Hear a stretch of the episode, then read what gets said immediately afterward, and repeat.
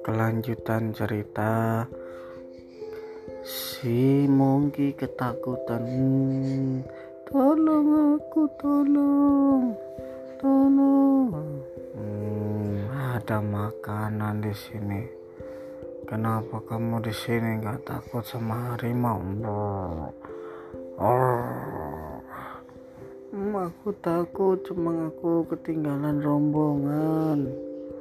Aku aku ketinggalan tolong aku.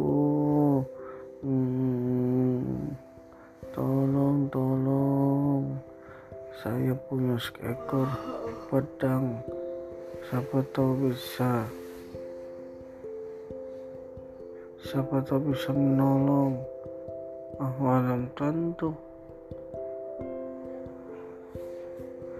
kan saya pintar harimau itu bodoh.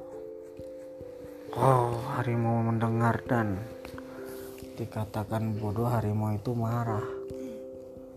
Ah, kamu ngomong apa barusan?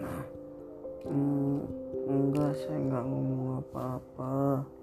Saya cuma bilang harimau itu bodoh. Hmm. Sini kamu kau telah menghina perusahaan Tak dapat bergerak Melainkan atas kebesaran dan kuasanya Al-Fatihah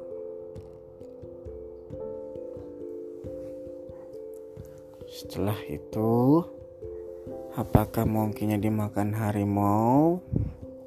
Yuk kita dengarkan besok lagi ceritanya bersama Ade Danis dan Papa Rizal dalam dongeng Nusantara. Dah, jangan lupa like, share, and subscribe ya.